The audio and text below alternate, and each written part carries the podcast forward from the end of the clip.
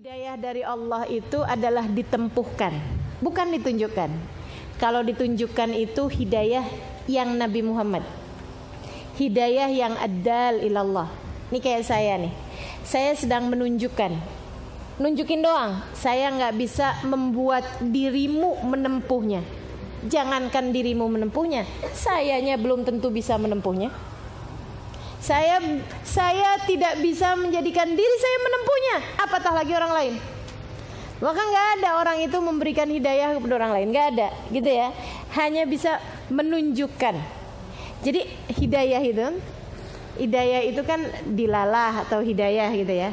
Al Hadi itu kan nama Hadi sang pemberi jalan, sang penunjuk jalan. Orang yang menunjukkan jalan kayak pendakwah itu kan juga penunjuk jalan, kan ya? Teman-teman sekalian dan semua pendakwah-pendakwah sebagai penunjuk jalan itu juga didahului dengan pendakwah yang pertama yaitu baginda Nabi Muhammad SAW al-hadi ila siratil mustaqim sang penunjuk ke arah jalan yang lurus. Kemudian di atas itu ada Allah Subhanahu wa taala tentu saja. Sang petunjuk jalan juga, al-hadi juga. Cuman ada beda antara hidayah yang dari Allah dengan hidayah yang dari makhluk. Apa bedanya? Kalau hidayah yang dari makhluk, hidayah yang dari orang hanya bisa menunjukkan jalannya. Tapi kalau hidayah yang dari Allah, kamu dijadikan dapat menempuhnya. Hidayahnya adalah hidayah taufik. Kalau hidayah yang dari makhluk ini namanya hidayah dilalah. Hidayah menunjukkan. Sama kayak begini loh.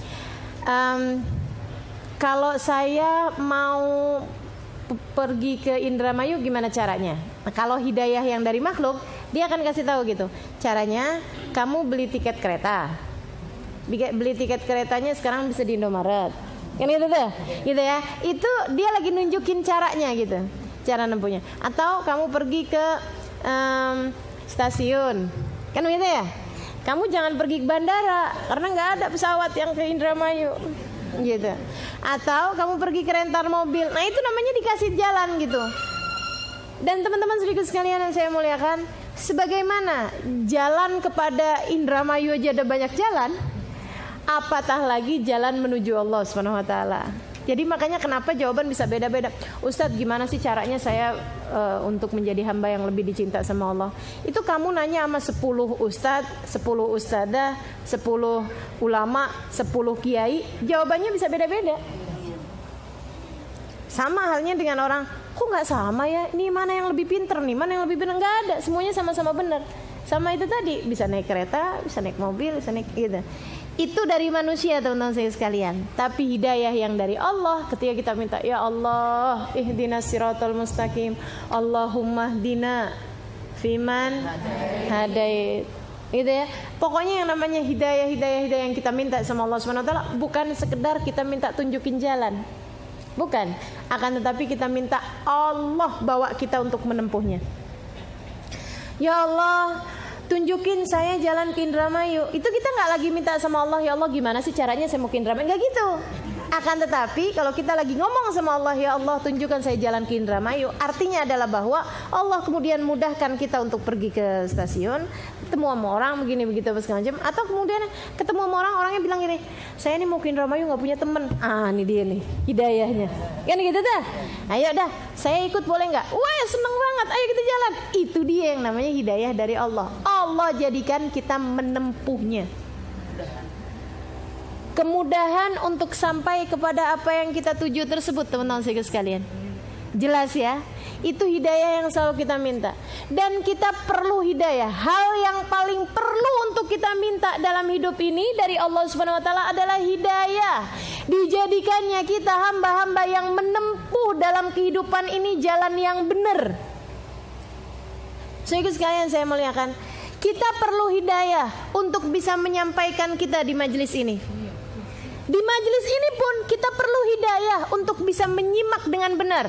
Ada orang-orang yang dikasih hidayahnya banyak kan sehingga nyimaknya jadi benar gitu. Ada yang nyimaknya nggak benar, emang nggak mau nyimak kayak males-malesan, ngantuk-ngantukan, udah dari awal juga nyarinya di pojokan. Nyari tiang, nyari sandaran ada yang begitu gitu ya. Emangnya juga ada juga orang-orang yang setengah mati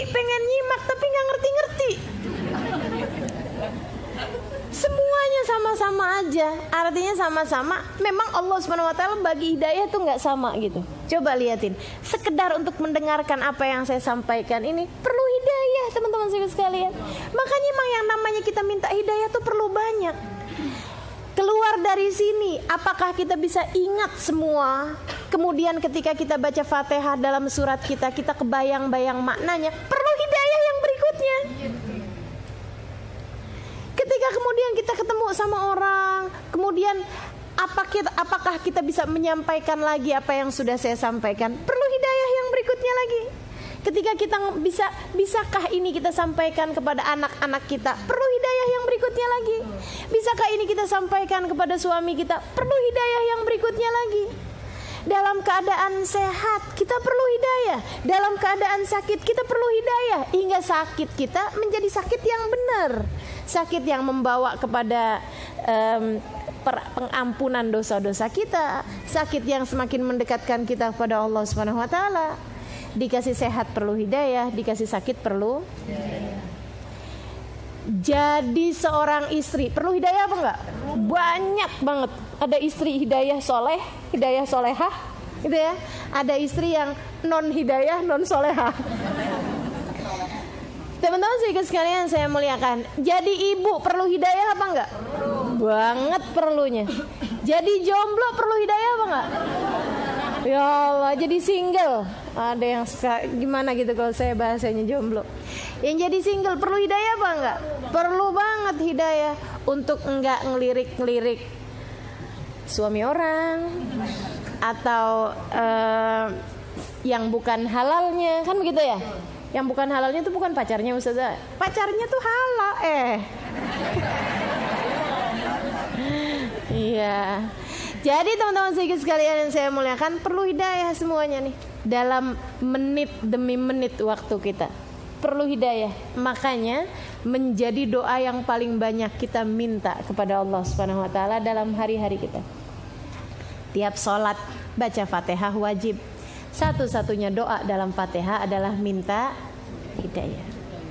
Satu-satunya doa. Nggak ada doa yang lain di sini mintanya ihdinas siratal mustaqim perlu hidayah buat mengajar perlu hidayah buat belajar perlu hidayah buat berzikir perlu hidayah bahkan buat maksiat.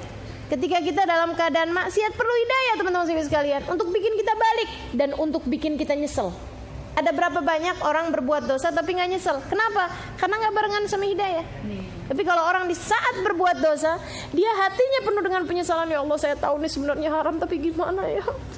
Dia tuh cakep banget soalnya. Sambilan pacaran.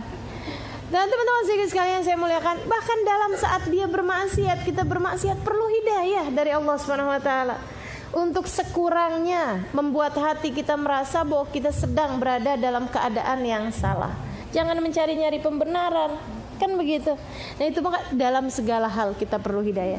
Dalam pilihan pakaian yang kita pilih untuk kita pakai tadi pagi perlu hidayah apa enggak? Saat kita masuk ke sini perlu hidayah apa enggak?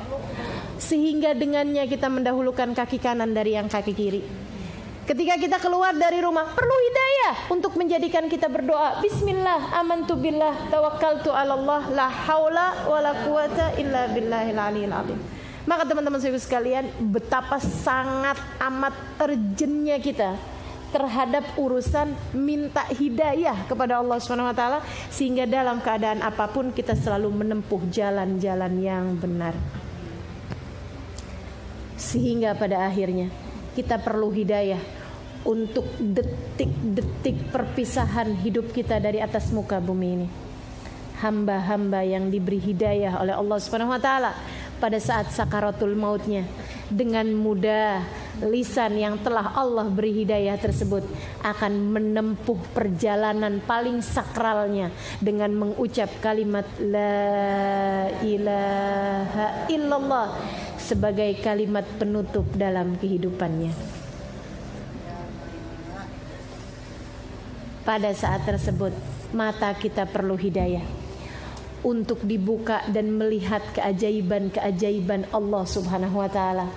dari kehadiran para malaikat-malaikat rahmat atau jika Allah Subhanahu wa taala karuniakan hadiah yang lebih buat kita sekalian. Siapa tahu ada di antara kita yang di saat ajal menjemputnya dihadirkan roh baginda Nabi besar Muhammad sallallahu alaihi wasallam. Teman-teman sekalian saya muliakan, perlu hidayah di saat akhir kehidupan kita. Sehingga kemudian kita masuk ke dalam alam kubur kita pun juga perlu hidayah di dalam kuburan, perlu hidayah di saat mahsyar, ditempuhkan kepada kita jalan-jalan yang paling benar, jalan-jalan yang paling lurus. Masya Allah, Masya Allah. Makanya nih dari pentingnya hidayah dia menjadi satu-satunya hal yang kita minta kepada Allah.